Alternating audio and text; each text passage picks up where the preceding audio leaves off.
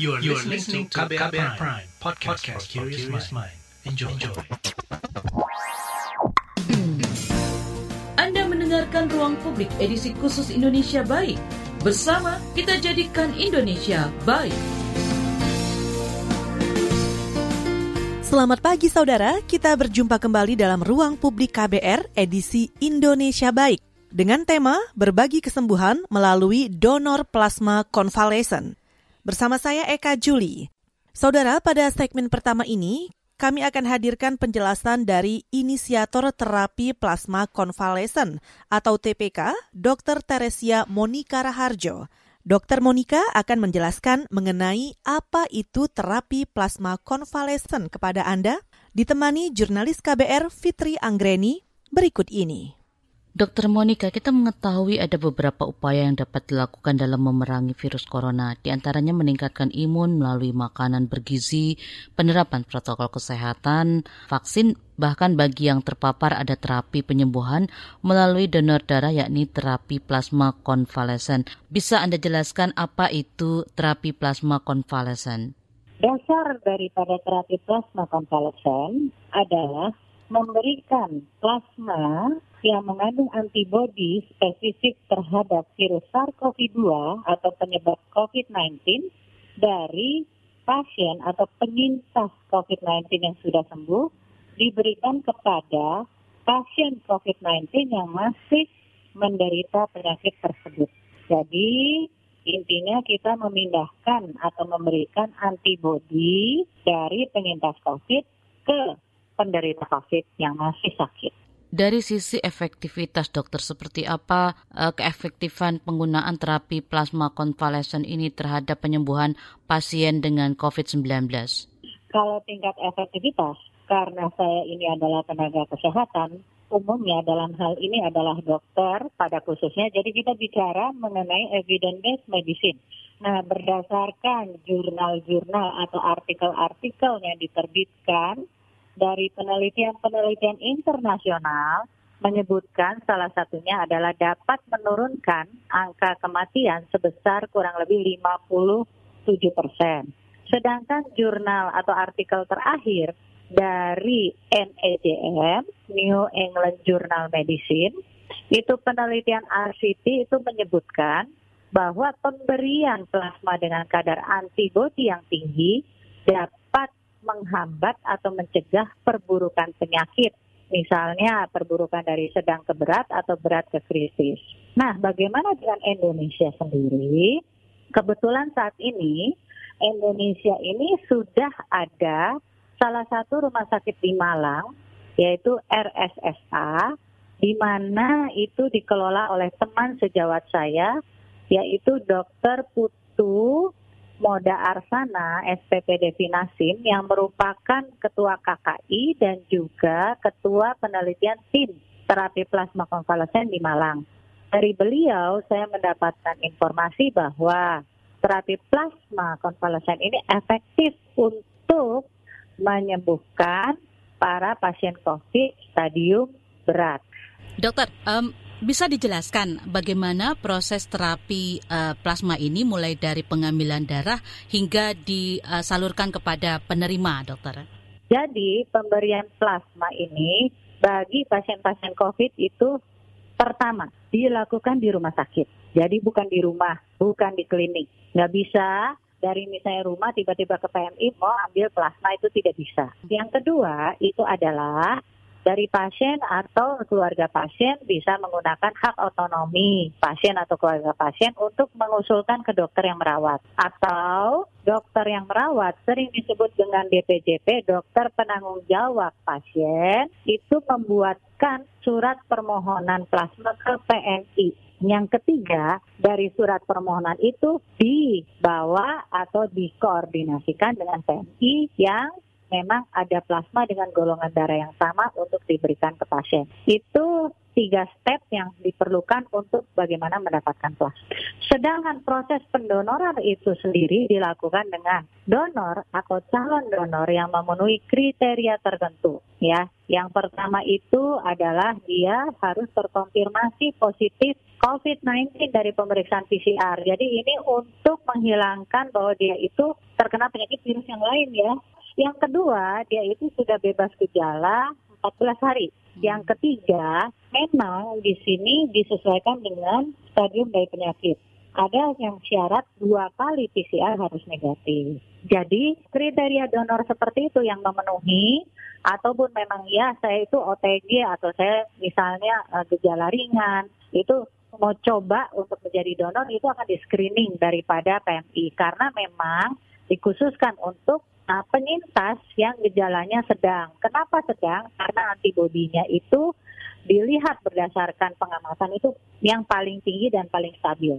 Nah, dari situ setelah memenuhi syarat tiga syarat calon donor, kemudian ke PMI diperiksalah kadar antibodinya, kemudian di screening lagi, dan bila di ACC itu keesokan harinya dia datang untuk mendonorkan plasmanya. Bagaimana proses daripada pengambilan plasmanya?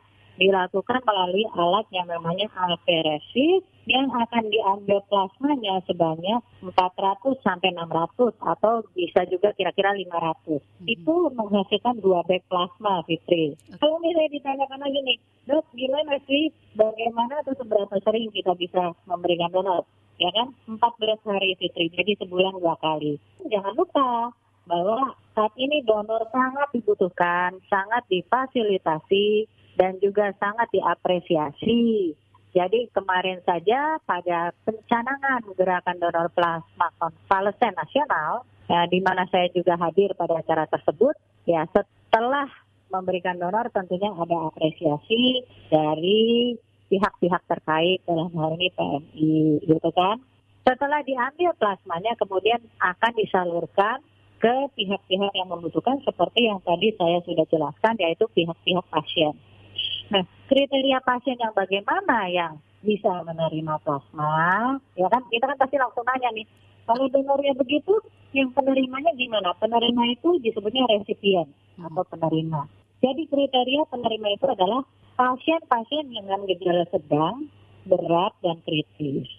Ya memang berdasarkan penelitian dan juga berdasarkan data yang disampaikan oleh masyarakat juga, bahwa kalau pemberiannya itu lebih dini, yaitu pada gejala sedang ataupun berat, itu dapat lebih cepat sembuhnya. Jadi jangan tunggu sampai kritis, misalnya udah di ventilator, berhari-hari baru sibuk cari plasma. Nah itu biasanya memang uh, tidak atau kurang optimal hasilnya. Ya karena apa? karena antibodi di dalam plasma konvalesen berfungsi untuk menghilangkan virusnya, bukan untuk memperbaiki kerusakan organ yang terjadi. Tadi uh, Anda sebutkan bahwa pendonor itu sekali mendonorkan itu bisa sekitar dua bag uh, plasma, iya. begitu ya dokter ya? Betul. Nah betul. itu untuk uh, berapa penerima dokter? Kalau kita berikan pada kondisi sedang ataupun baru masuk ke berat, itu cukup 1 sampai 2 bed. Jadi kita di sini galakan lah, one person help one person. Jadi kalau satu kali donor dan diberikan pada tahap yang masih dini atau misalnya gejala sedang, itu dia cukup untuk satu kali donor menerimanya satu sampai dua bed dia bisa membaik dan bisa sembuh. Jadi kita galakan di sini semangat gotong royong satu orang menolong satu orang. Dari segi pendonornya sendiri dokter, apakah katakanlah ada efek samping ketika dia rutin dua kali dalam sebulan mendonorkan plasmanya dokter? Apakah ada efek samping? Ada efek sampingnya itu baik untuk kesehatan. Tapi sebenarnya begini, yang paling penting ini adalah ini juga sebaiknya diketahui oleh masyarakat umum ya. Multiple donor atau donor plasma konvalesen yang berulang kali itu menyebabkan antibodi di dalam tubuh donor tersebut bertahan lebih lama. Jadi itu adalah positif bagi pendonor karena dia akan kebal lebih lama. Nah, itu bagus kan? Selain itu, kenapa dikasih jarak 14 hari? Itu karena yang diambil cuma plasmanya saja. Jadi darah itu terbagi dua komponen. Mm-hmm. Yang pertama padat, yang kedua cair. Yang cair ini adalah plasmanya. Jadi kenapa bisa lebih sering 14 hari itu plasmanya yang diambil dan apa komponen padatnya dibalikkan lagi gitu. Dan keuntungannya, manfaatnya adalah bahwa multiple donor cenderung memiliki kadar antibodi yang lebih lama bertahan dan lebih tingginya lama. Itu bagus sekali. Gitu. Selain bisa beramal ibadah kepada sesama, dia sendiri mempunyai kekebalannya yang lebih lama dan lebih kuat. Jadi memang sangat didorong masyarakat yang uh, Betul. cocok menjadi pendonor untuk uh, segera mendonorkan plasmanya, begitu dokter ya? Tepat sekali Fitri. Kalau dari pantauan dokter uh, saat ini seperti apa uh, uh, antusiasme masyarakat terutama yang bisa menjadi pendonor untuk mendonorkan plasmanya ini dokter. Dan mereka yeah. mendonorkannya ini ke PMI ya dokter ya? Betul. Jadi uh, yang saya lihat memang saya itu mendapat puluhan uh, WA telepon setiap hari Fitri. Yeah. Memang agak salah alamat karena memang saya benar pelopor terapi plasma konvalesen. Saya yang memulai mengusulkan terapi ini ke Presiden Jokowi dengan mengirimkan surat pada tanggal 18 Maret 2020. Saya juga yang sebagai inisiator sehingga terbentuk buku penata laksanaan terapi plasma konvalesen bersama dengan teman-teman sejawat saya yang sevisi dan semisi.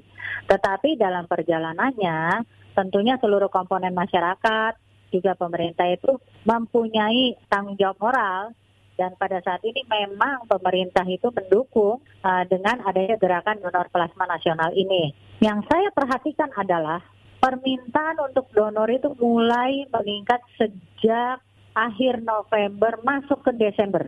Jadi itu peningkatannya luar biasa.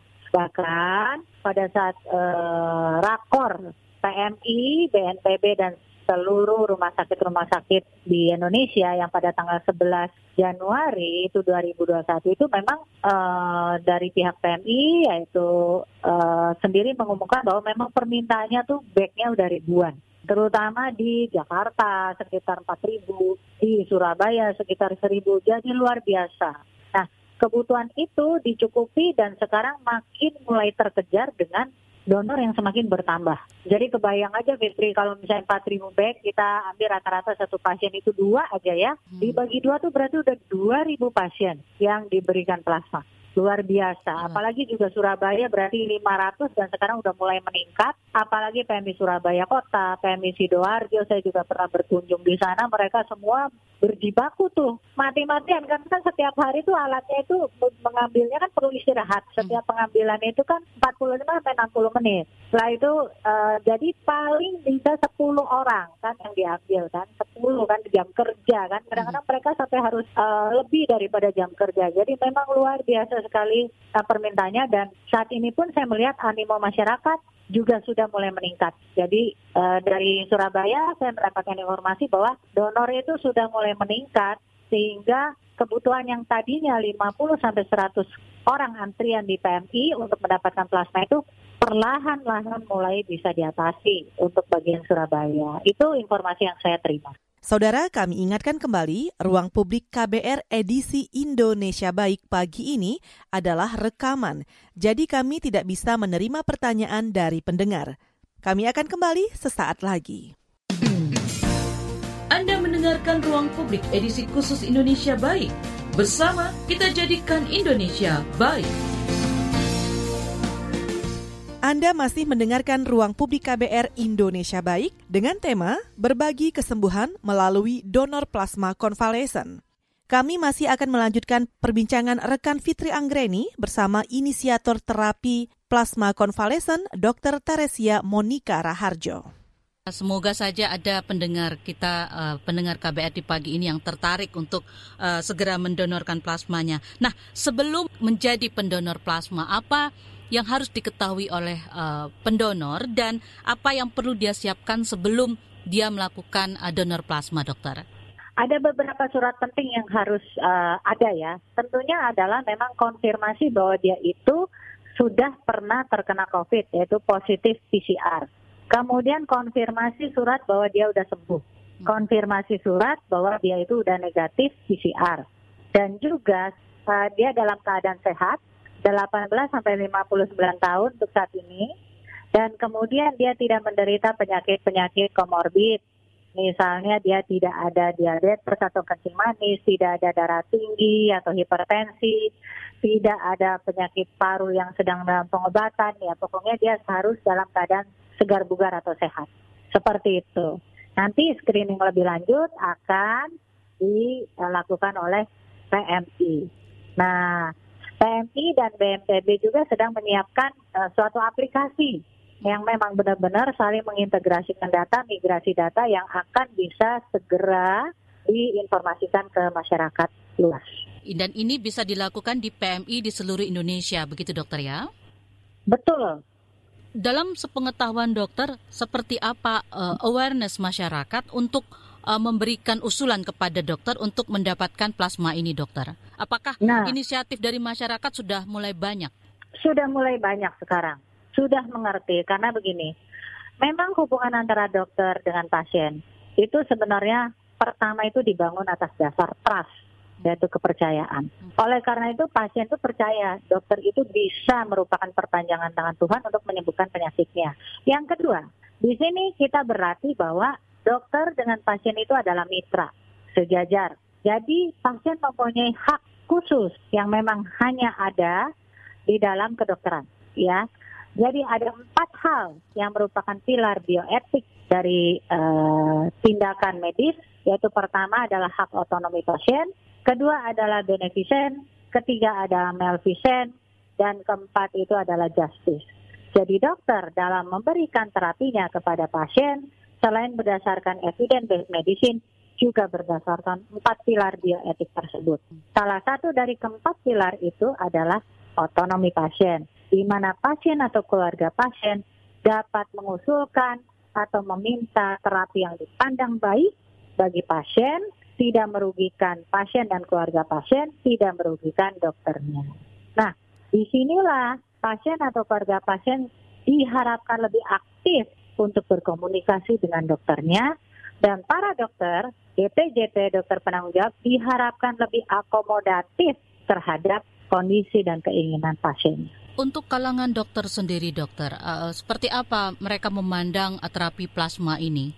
Sebetulnya itu semua proses ya kan karena memang e, kebanyakan tenaga medis itu berdasarkan evidence based medicine dan juga berdasarkan juga patient safety.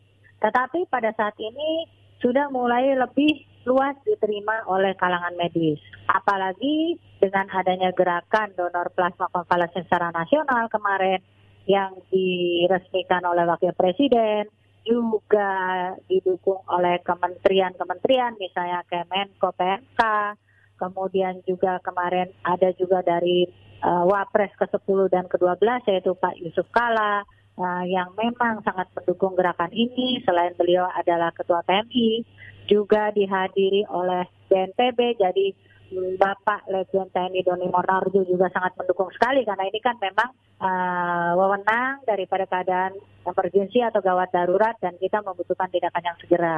Demikian juga edukasi-edukasi uh, saya dengan tim sub bidang TPK dari Satgas COVID-19 dan BNPB juga memang melakukan edukasi ke berbagai uh, organisasi profesi juga. Jadi memang sudah mulai diterima oleh banyak tenaga medis dan banyak pula tenaga medis yang sudah merasakan efektivitas daripada terapi plasma ini. Ya banyak sekali berita-berita juga yang memang mendukung uh, terapi plasma ini supaya ditetapkan dengan lebih luas. Saya berterima kasih atas gerakan pencanangan donor plasma konvalesen secara nasional yang telah diresmikan oleh Bapak Wakil Presiden. Kalau dari segi sumber daya uh, rumah sakit, dokter, seperti apa uh, kemampuan rumah sakit kita, uh, terutama di daerah, uh, dengan uh, penerapan atau uh, penggunaan uh, terapi plasma ini sebagai pengobatan COVID-19, dokter? Sebenarnya rumah sakit-rumah sakit di daerah memang ada yang mungkin memang ada yang PMI yang memang uh, apa belum bisa beroperasi dengan maksimal, mhm. walaupun tetap akan ditingkatkan. Dan demikian juga ada rumah sakit-rumah sakit di daerah yang memang belum memiliki uh, kemampuan sarana dan prasarana ya. Jadi memang uh, agak sulit untuk melakukan uh, pengambilan plasma. Tetapi hal ini dapat diatasi dengan sistem distribusi karena memang ini bekerja sama juga dengan uh, bagian perhubungan bahwa kita merencanakan bahwa apa yang plasma yang akan dikirim akan difasilitasi oleh BNPB dengan adanya cap BNPB itu maka akan diberikan uh, kemudahan. Jadi nggak usah dibongkar-bongkar karena kalau plasma yang dikirim kok harus dengan dry ice. Jadi kalau dibongkar dibongkar tentunya akan mempengaruhi efektivitas daripada antibodinya ya. Hmm. Jadi itu akan direncanakan ke depan itu akan dicap oleh BNPB dan kalau misalnya ada cap BNPB itu maka semua akan segera di dikirimkan dengan uh, secepat-cepatnya. Demikian. Jadi memang uh, kita harus dari jalur pertama distribusinya itu on-site. Kalau misalnya yang di luar atau yang belum ada PMI-nya yang bisa mengolah plasma dapat dengan cara dikirimkan. Hmm. Dan itu sudah difasilitasi pada rapat-rapat rakor-rakor itu sudah memang uh, difasilitasi uh, oleh BNPB. Dokter, apakah pendonor plasma ini kemudian tidak mengganggu pendonor darah secara umum? Tidak, hmm. karena gini, donor darah memang juga kesulitan, donor plasma kesulitan, donor darah kesulitan gitu kan. Karena semuanya kalau kalau terkena COVID pada takut keluar kan. Justru di sini itu adalah manfaat sampingan. Jadi manfaat sampingan itu adalah efek samping positif yang tidak diduga gitu oleh kita sebenarnya ke depannya, Justru Karena apa? ya kan? Nah, orang-orang yang sudah sembuh itu dari COVID itu kan datanya akan masuk semuanya, ya kan? Kalau dia sudah sembuh, dia juga bisa memberikan donor yang lain gitu loh. Tidak perlu plasma gitu kan? Kalau itu bisa dikoordinasikan dengan PMI juga gitu. Uh, gimana kalau saya itu juga ingin memberikan komponen darah saya yang lain? Bisa gitu. Nah, dengan adanya donor plasma ini juga orang-orang akan tergerak. Oh ya kalau misalnya ini donor plasma berarti saya juga mau dong ke PMI ternyata yang donor plasma ke PMI itu tidak apa-apa. Berarti donor lainnya juga nggak apa-apa gitu. Jadi itu kan kita melihat dari apa ya animo masyarakat.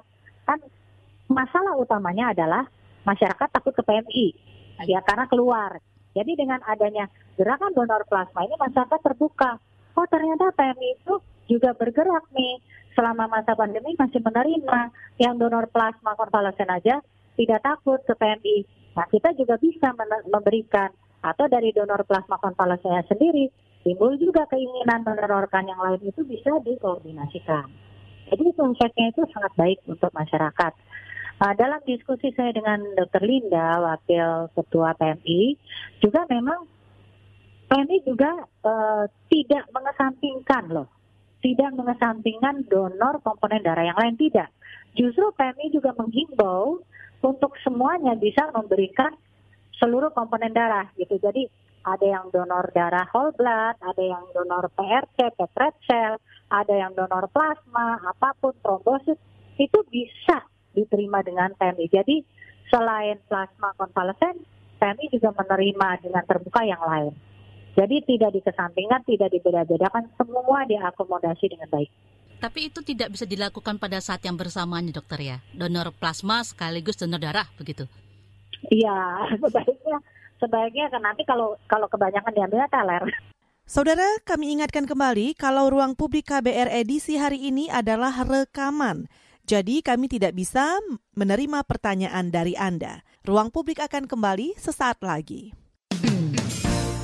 Anda mendengarkan Ruang Publik edisi khusus Indonesia Baik. Bersama kita jadikan Indonesia baik. Terima kasih untuk Anda yang masih setia mendengarkan Ruang Publik edisi Indonesia Baik dengan tema Berbagi Kesembuhan melalui Donor Plasma Convalescent. Di segmen ini, kami masih berbincang dengan Dr. Monica. Namun nanti kami juga akan hadirkan salah satu pendonor plasma konvalesen, Johan Tamin.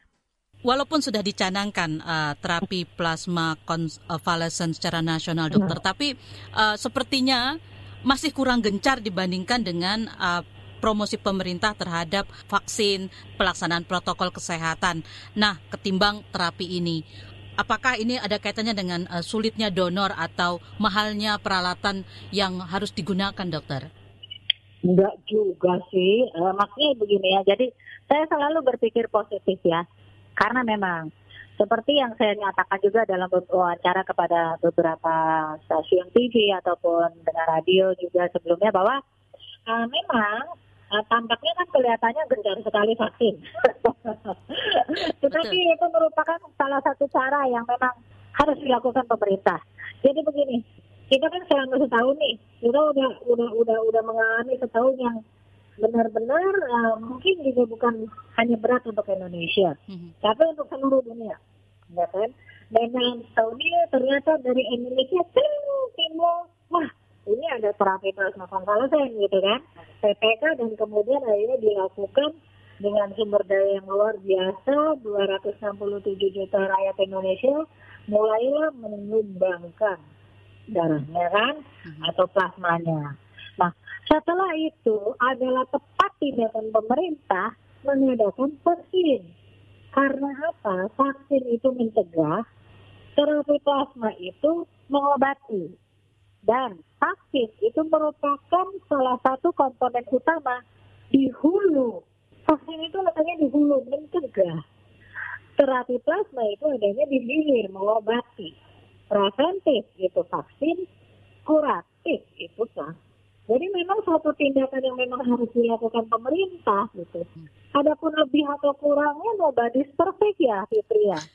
Kan vaksin ini kan dibuatnya ngebut, tapi walaupun ngebut tetap sesuai dengan standar operasional prosedur yang berlaku. Fase 1 dilewati, fase 2 dilewati, fase 3 dilewati. Saya juga sudah divaksin terus terang aja pada tanggal 14 Januari 2021 yang lalu. Dan saya menerima vaksin yang sama dengan diterima oleh Presiden dan jajaran pemerintah pusat. Ya kan? Kenapa saya memilih divaksin? Ya karena saya tidak hanya memperhatikan diri sendiri, saya memperhatikan sesama saya supaya saya bisa lebih giat lagi edukasi ke mana-mana gitu kan. Dengan uh, kekhawatiran yang sedikit menurun ya saya divaksin sehingga saya bisa membagikan manfaat saya kepada orang lain itu seperti itu. Jadi uh, kurang gencarnya itu bukan kurang gencar mungkin. Belum saja uh, apa ya karena kan ini kan terapi plasma konvalesen orang ngomong konvalesennya aja kadang-kadang ribet ya Fitri. Ya udah PPK aja. Makanya saya singkat dari PPK karena kasihan itu ya. Konsultalen konsultalen ribet gitu kan. Ngomong konvalesen aja kayaknya harus kursus jadi PPK ini terapi plasma konvalesen ini itu merupakan sesuatu yang yang buat uh, tapi kalau udah dijelaskan PPK itu seperti transfusi darah cuma transfusi plasma itu langsung sering gitu. Hmm. makanya memang PMI merupakan badan yang memang kompeten untuk melaksanakan ini. Gitu loh. Jadi jangan apa kita berjalan se seiring sejalan aja. Vaksin berjalan untuk mencegah kemudian uh, eh, TPK itu untuk mengobati. Jadi uh, itu merupakan suatu hal yang berimbang dan saya pikir itu bisa sinergis dan saling mengisi. Jadi itu adalah hal yang bagus. Saya tidak pernah merasa bahwa pemerintah membedakan tetapi ini adalah skala prioritas. Karena memang pencegahan itu adalah penting dilakukan. Pengobatan itu pada pasien-pasien yang sudah terkena itu juga merupakan hal yang harus mengutamakan pasien safety dan juga merupakan hal yang sangat penting pula gitu Fitri. Baik, uh, apa pesan Anda untuk para pendonor dan juga penerima uh, TPK ini dokter? Jadi saya ada pesan mungkin agak sedikit apa ya uh, lebay. saya mempunyai prinsip ya uh, semenjak saya bawa terapi plasma konvalesen ini TPK ini adalah sebutir beras dapat mengubah timbangan. Sekecil apa pun perbuatan kita dengan tujuan kebaikan atau kemanusiaan, itu nilainya itu sangat luar biasa. Jadi bagi para penyintas COVID-19, saya berharap, saya mengimbau, saya memohon untuk berkenan mendonorkan plasmanya bagi sesamanya yang sedang menderita sakit tersebut. Karena PPK ini merupakan intisari dari Pancasila, yaitu semangat gotong royong yang menjadikan kita bangsa yang besar. Pak Johan menjadi salah satu pendonor plasma konvalesen. Apa yang menjadi motivasi Bapak untuk menjadi pendonor plasma ini, Pak? awalnya saya tidak tahu Bu, di mana orang awam lah yang tidak tahu ya begitu sembuh itu ada yang broadcast Bu tentang plasma convalescent. Tapi saya acu Bu. Nah, tapi begitu di grup uh, saya punya grup uh, itu ada uh, dengan asuhan itu ada dokter Juanli di situ ya di grup COVID itu para dokter mengedukasi ya bahwa plasma convalescent itu bagus seperti itu. Dan itu membuat uh, pemikiran saya terbuka, Bu. Oh, ini sesuatu yang berguna dan sangat bermanfaat besar gitu untuk menolong orang dan bagi diri saya juga saya bisa tahu ya, apakah antibody saya sudah bagus atau sudah tinggi ya seperti itu. Jadi dari situ sih motivasi saya sih Bu. Nah pada saat itu saya melihat uh, artikel yang pernah dibagikan di Blast itu, di mana uh, di situ saya ketemu sama Dokter Aryani ya, saya langsung uh, WhatsApp beliau, ya, saya menanyakan uh, dokter saya penyintas COVID, di mana saya bersedia untuk mendonorkan plasma konvalesen saya apa syaratnya. Dan beliau sangat baik sekali, sangat membantu sekali di mana langsung memberikan linknya suruh isi begitu saya isi saya di situ emang uh, disuruh apa uh, ini ya uh, nama apa terus kemudian harus melampirkan hasil swab positif saya tanggal berapa kemudian swab negatif saya tanggal berapa seperti itu. Saat ini sudah uh, berapa kali Pak Johan melakukan donor Pak? Baru sekali Bu. Jadi waktu saya negatif yang pertama itu tanggal 23 Desember, Bu. Kemudian uh, kan saya melakukan namanya karantina mandiri ya dari rumah sakit kan mewajibkan harus karantina mandiri setelah dirawat selama 14 hari. Jadi jatuhnya tanggal 5 Januari itu saya swab lagi dan memang dibuktikan negatif kembali, Bu. Nah, pada saat negatif itu baru ya saya mendonorkan plasma saya dan emang luar biasa, Bu. Pada saat saya memberikan data saya yang plasma konvalesen yang dibawa dokter Ariani itu, langsung dokter Ariani kontak saya. Dia bilang, e, Pak Johan bersedia gak donor? Seperti itu. Nah, terus kemudian saya bilang saya bersedia bu, seperti itu. Nah, singkat cerita dia kasih uh, apa uh, nomor yang peminta donor itu, ya, kemudian uh, yang bersangkutan uh, memberitahu kepada saya WhatsApp, terus kemudian uh, apa uh, dia minta data saya saya kasih, tapi emang uh, akhirnya saya dapat kabar bahwa uh, untuk orang tuanya sudah ada tiga pendonor. Jadi saya diminta uh, cadangan. Saya bilang nggak apa-apa saya ready gitu kan. Uh, terus tapi nggak ada kabar besoknya dan sampai lusa. Ada lagi yang menghubungi saya minta tolong untuk karena papanya di ICU seperti itu. Nah kemudian uh, ada juga sebelum papanya itu ada lagi bu yang uh, temen lah teman di mana uh, dia punya uh, klien ya uh, juga di ICU ya minta tolong dan saya udah memberikan jawaban, oke, okay, saya akan bantu seperti itu. Nah, begitu itu, saya langsung tuh menghubungi dokter Eltiani gimana caranya untuk ini. Terus dikasih tahu untuk namanya uh, apa mendata di donor UTD ya, PMI seperti itu. Nah, kemudian udah uh, saya melampirkan nama pasien semua segala macamnya, dapat jadwal screening, Bu. Dapat jadwal screening hari Selasa saat itu.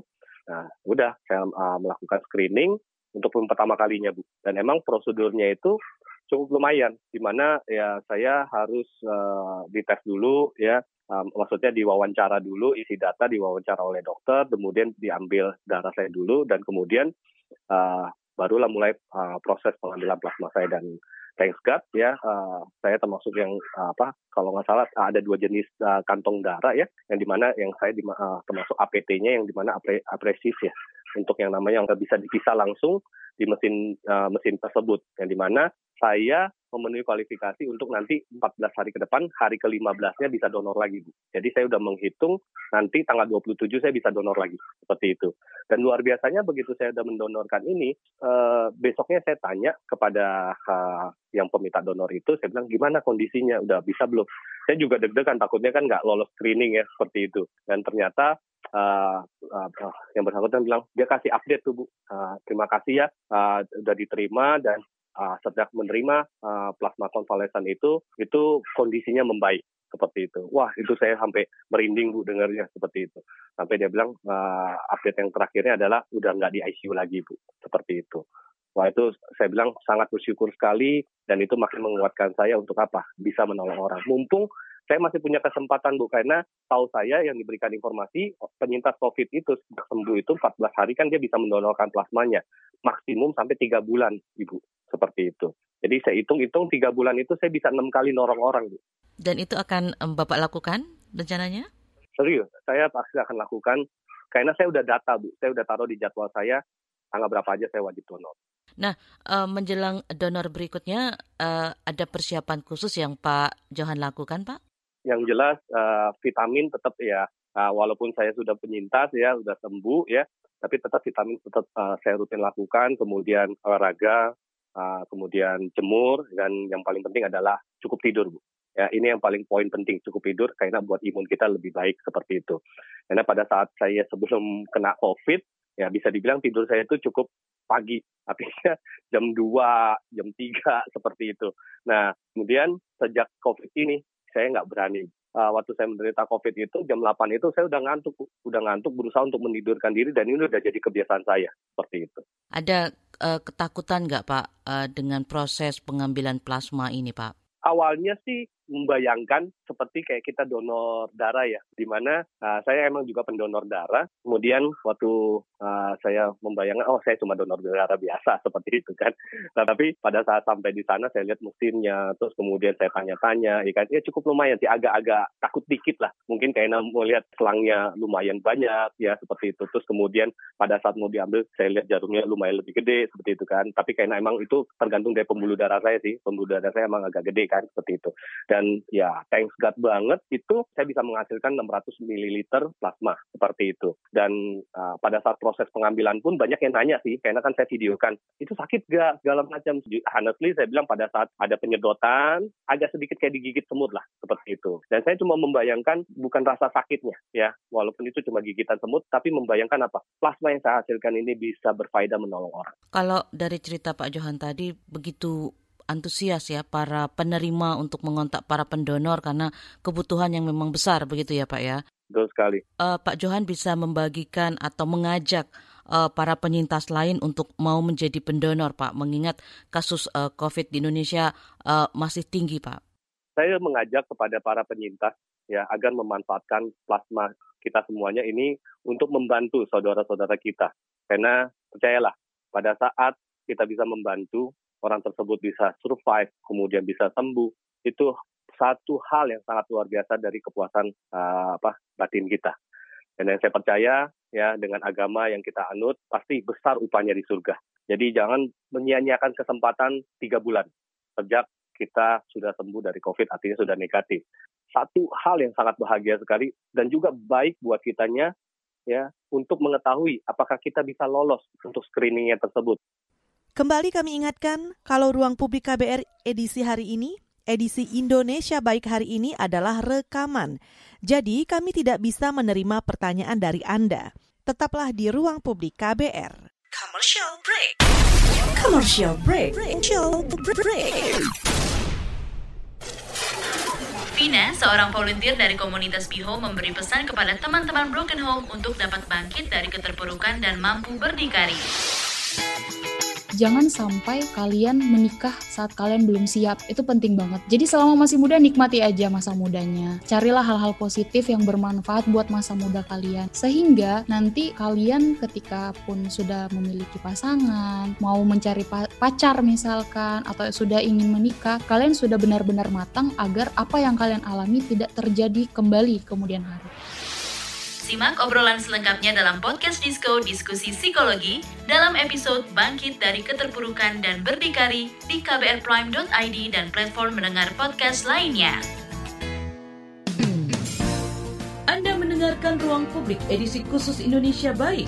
Bersama kita jadikan Indonesia baik. Kita tiba di bagian akhir Ruang Publik KBR edisi Indonesia Baik. Pagi hari ini kami hadirkan juga perbincangan jurnalis Fitri Anggreni bersama pendiri komunitas pendonor plasma konvalesen, Dr. Aryani. Karena sesuai dengan tema kami hari ini, berbagi kesembuhan melalui donor plasma konvalesen. Dr. Aryani merupakan founder komunitas pendonor plasma konvalesen. Bisa dijelaskan dokter bagaimana awal terbentuknya komunitas ini? Jadi komunitas pendonor plasma konvalesen ini saya coba bikin karena melihat fenomena dan kegelisahan saya sehari-hari. Saya bekerja di rumah sakit rujukan COVID, di mana sering mendapatkan WA pesan singkat yang banyak keluarga yang membutuhkan plasma konvalesen untuk keluarganya sedang dirawat di rumah sakit dan mereka mengeluh kesulitan untuk mendapatkan pendonor. Kemudian saya berusaha bertanya ke sana sini ke teman-teman dokter ada nggak sih komunitasnya untuk pendonor-pendonor ini dan ternyata masih belum ada. Kenapa nggak dibuat kan kalau semuanya berkumpul di satu komunitas kan memudahkan kita untuk mencari ya. Saya berinisiatif untuk membuat komunitas pendonor plasma konvalesen ini. Sejak kapan komunitas ini berdiri, dokter? Uh, masih baru tanggal 25 Desember 2020 ya. Sejauh ini sudah berapa banyak anggota komunitas ini, dokter? Uh, untuk komunitas pendonornya sekitar 275 orang yang sudah mendaftar dan bersedia untuk mendonorkan darah plasmanya. Dan untuk pemohon banyak yang masuk juga, sekitar 240-an ya, 240 pemohon. Jadi rata-rata tiap hari itu ada sekitar 5 sampai 10 pendonor yang mendaftar dan untuk pemohon lebih banyak lagi ya 10 sampai 15 pemohon seharinya. Sebenarnya lebih banyak pemohonnya daripada pendonornya karena sebenarnya kita tahu ya pasien COVID yang sudah sembuh itu sekitar 750 ribu sedangkan yang kita data sekarang baru sekitar 200 dan dari Satgas Covid juga mengatakan sekitar 500 baru 500 yang bersedia jadi pendonor. Jadi sebenarnya masih sangat sedikit ya dibandingkan jumlah orang yang sembuh dari Covid ya atau penyintas itu. Selama ini yang kita tahu adalah uh, pendonor darah. Apakah ada bedanya antara pendonor darah dengan pendonor plasma dan apakah proses yang dilalui juga uh, berbeda, dokter? Ya, sebenarnya prinsipnya sama dengan donor biasa, cuman pada donor plasma ini kan ada syarat-syarat khusus ya yang bisa menjadi pendonor untuk di screening awal. Jadi di awal kan ada screening macam-macam pertanyaan, kemudian pemeriksaan darah, dicek kadar antibody COVID-nya itu harus memenuhi. Kemudian jika dia sudah lolos untuk jadi donor, donornya hampir sama dengan prosesnya dengan donor darah biasa, cuman yang diambil adalah yang cairan darah yang berwarna kuning atau plasmanya hmm. saja, sedangkan komponen darah yang lain kembali ke tubuhnya. Terkait dengan uh, ingin menjadi donor ini, dokter, apakah memang harus dinyatakan keinginan itu oleh pendonor sendiri atau ketika mereka uh, dirawat di rumah sakit atau di wisma atlet, mereka sudah ditawari untuk uh, mau menjadi pendonor plasma ini, dokter? Iya, jadi intinya untuk pendonor ini sifatnya harus sukarela, ya, hmm. tidak boleh ada paksaan. Jadi memang sebaiknya sejak dia selesai dirawat di rumah sakit sudah harus diberitahukan. Karena banyak yang mungkin tidak tahu ya Mbak ya, ternyata darahku ini bermanfaat loh untuk pasien-pasien yang masih dirawat itu dan tidak memiliki pengetahuan tentang apa sih donor plasma itu, seperti apa sih caranya. Jadi itu sebenarnya sejak awal saat dia sedang dirawat dan dalam proses sembuh itu bisa disampaikan bahwa darah Anda ini bisa didonorkan loh nanti 14 hari setelah Anda sembuh, setelah Anda sehat, seperti itu. Kalau dalam pengamatan dokter, seperti apa tingkat antusiasme masyarakat, terutama para penyintas COVID ini, untuk mau menjadi pendonor plasma? Iya, kalau saya lihat dari banyaknya uh, oh, WA yang masuk, sebenarnya banyak juga yang tergerak hatinya untuk mendonorkan plasmanya. Cuman ada juga yang masih bertanya-tanya atau ragu, uh, aman nggak sih saya kalau mendonorkan darah saya? Itu prosesnya seperti apa? Alurnya seperti apa? Syaratnya seperti apa? Jadi mereka masih butuh uh, di, diberi penjelasan. Baru kemudian mereka akhirnya mau memutuskan mau. Jadi sebenarnya perlu juga kita sosialisasikan tentang bagaimana sih donor plasma konvalesen ini untuk penyintas COVID ya. Tapi sepertinya informasi dan promosi terkait dengan uh, donor plasma ini masih kurang ya dokter ya? Uh, Senin kemarin kan ada dicanangkan ya oleh pemerintah ya, oleh Pak Wakil Presiden, Kominfo dengan Pak Erlangga itu sudah mencanangkan gerakan nasional donor plasma konvalesen ya dengan yeah. PMI. Iya, jadi itu sebagai salah satu untuk sosialisasi dan menjaring penyintas COVID agar mau menjadi pendonor plasma konvalesen. Eh, selain mencanangkan sebagai gerakan nasional dokter, apa yang perlu pemerintah lakukan dan mungkin juga bisa dilakukan oleh komunitas uh, pendonor plasma yang uh, dokter dirikan ini untuk mendorong makin banyak penyintas COVID-19 mau mendonorkan plasmanya? Iya, Jadi memang uh, pemerintah bersama semua stakeholder harus gencar ya mempromosikan tentang donor plasma konvalesen ini, efektivitasnya untuk menyelamatkan nyawa para pasien yang sedang dirawat di rumah sakit itu ya. Uh, saya rasa dari Satgas COVID-19 pun juga akan membuat portal, Mbak. Mereka kan memusatkan pendonor plasma konvalesen. Jadi kita-kita komunitas ini diundang untuk bersama-sama untuk bergabung di portal milik Kominfo dan Satgas Covid. Saya rasa itu sangat bermanfaat. Jadi kita di satu pintu ya. Jadi nggak komunitas kecil-kecil seperti ini. Jadi itu akan sangat bermanfaat. Jadi semua info akan ada di website tersebut, semuanya jelas di situ. Jadi itu akan sangat membantu juga ada hotline 24 jamnya juga seperti itu ya. Di samping mungkin di media sosial, di televisi, di radio juga sebaiknya juga digalakkan juga sosialisasi tentang manfaat dari donor plasma konvalesen ini. Kenapa? Karena para penyintas itu mempunyai jangka waktu untuk bisa mendonorkan darahnya. Jadi maksimal tiga bulan setelah hasil swabnya negatif, waktunya itu yang paling bagus untuk mendonorkan. Setelah tiga bulan itu, antibodinya sangat rendah. Jadi kemungkinan untuk mendonorkan plasmanya juga sangat kecil nantinya. Dan bisa dilakukan kembali tiap 14 hari kemudian. Nah itu kan sangat menguntungkan ya sebenarnya antibodinya masih tinggi jadi tiap 14 hari dia bisa berdonor sampai eh, tiga bulan kemudian. Tetapi pastinya di PMI atau unit transfusi darah itu juga pasti di screening darahnya ya, hmm. antibodinya masih cukup nggak kayak gitu. Iya, tadi di awal dokter sempat mengatakan bahwa jumlah pemohon atas donor dibandingkan dengan pendonor plasma sendiri itu jauh lebih besar pemohon untuk mendapatkan donor. Nah, apakah ini uh, bisa dikatakan masyarakat sudah semakin uh, tertarik untuk mau menggunakan terapi plasma dalam penyembuhan uh, COVID-19, dokter? Ya, dengan bertambahnya jumlah pasien COVID yang dirawat dengan derajat yang sedang berat, mm-hmm. itu pasti banyak juga permintaan untuk diberikan terapi plasma konvalesen ini. Pendek ya, ketika mereka dinyatakan sembuh lalu uh, masih kuat antibodinya itu, apalagi yang mereka harus ketahui ketika mereka ingin menjadi pendonor plasma ini, dokter? Iya, yang pertama uh, mereka harus dalam kondisi sehat itu dulu ya. Jadi hmm. sudah sembuh, sudah tidak ada gejala, bebas gejala 14 hari. Kemudian dia baru boleh berpikir apakah saya ini bisa mendonor. Kemudian kan ada kriteria-kriteria syaratnya. Apakah saya ini memenuhi syarat enggak? Jadi contohnya usianya 18 sampai 60 tahun, berat badannya harus lebih dari 55 kilo. Laki-laki kalau wanita yang belum pernah hamil, kalau sudah pernah hamil tidak bisa. Kemudian dia tidak ada penyakit-penyakit kronis seperti penyakit jantung, penyakit ginjal, paru-paru, kencing manis, darah tinggi yang tidak terkontrol, kanker, penyakit kelainan darah, atau hepatitis, sifilis atau HIV. Nah, kemudian untuk HP atau hemoglobin kadar darahnya juga harus normal, tensinya juga harus normal.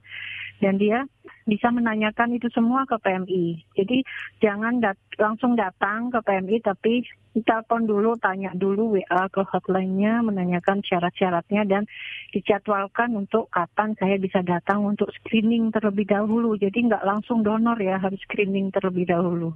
Apa pesan dokter untuk masyarakat Indonesia, terutama mereka yang uh, bisa uh, masuk dalam kategori pendonor plasma ini untuk mau mendonorkan plasmanya, dokter?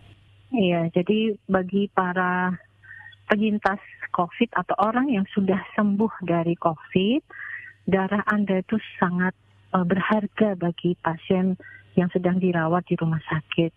Jadi jika Anda sudah merasa sehat, tidak ada keluhan, ada baiknya kalau Anda bisa mendonorkan darah Anda demi membantu pasien-pasien yang sedang berjuang untuk sembuh di rumah sakit. Kemudian untuk masyarakat, uh, hentikan stigma negatif tentang um, penderita COVID ya. Jadi hmm. penyintas COVID itu sebenarnya sudah sembuh. Jadi hilangkan atau hentikan adanya stigma negatif supaya mereka juga bisa lebih leluasa ya untuk kembali ke kehidupannya. Demikian ruang publik KBR edisi Indonesia Baik dengan tema berbagi kesembuhan melalui donor plasma konvalesen. Bagi Anda yang tidak sempat mendengarkan siaran ini secara utuh, bisa mendengarkannya kembali di podcast kbrprime.id, lalu pilih ruang publik. Terima kasih untuk kebersamaan Anda pagi hari ini. Saya Eka Juli, undur diri. Salam. Baru saja Anda dengarkan Ruang Publik KBR. KBR Prime, cara asik mendengar berita. KBR Prime, podcast for curious mind.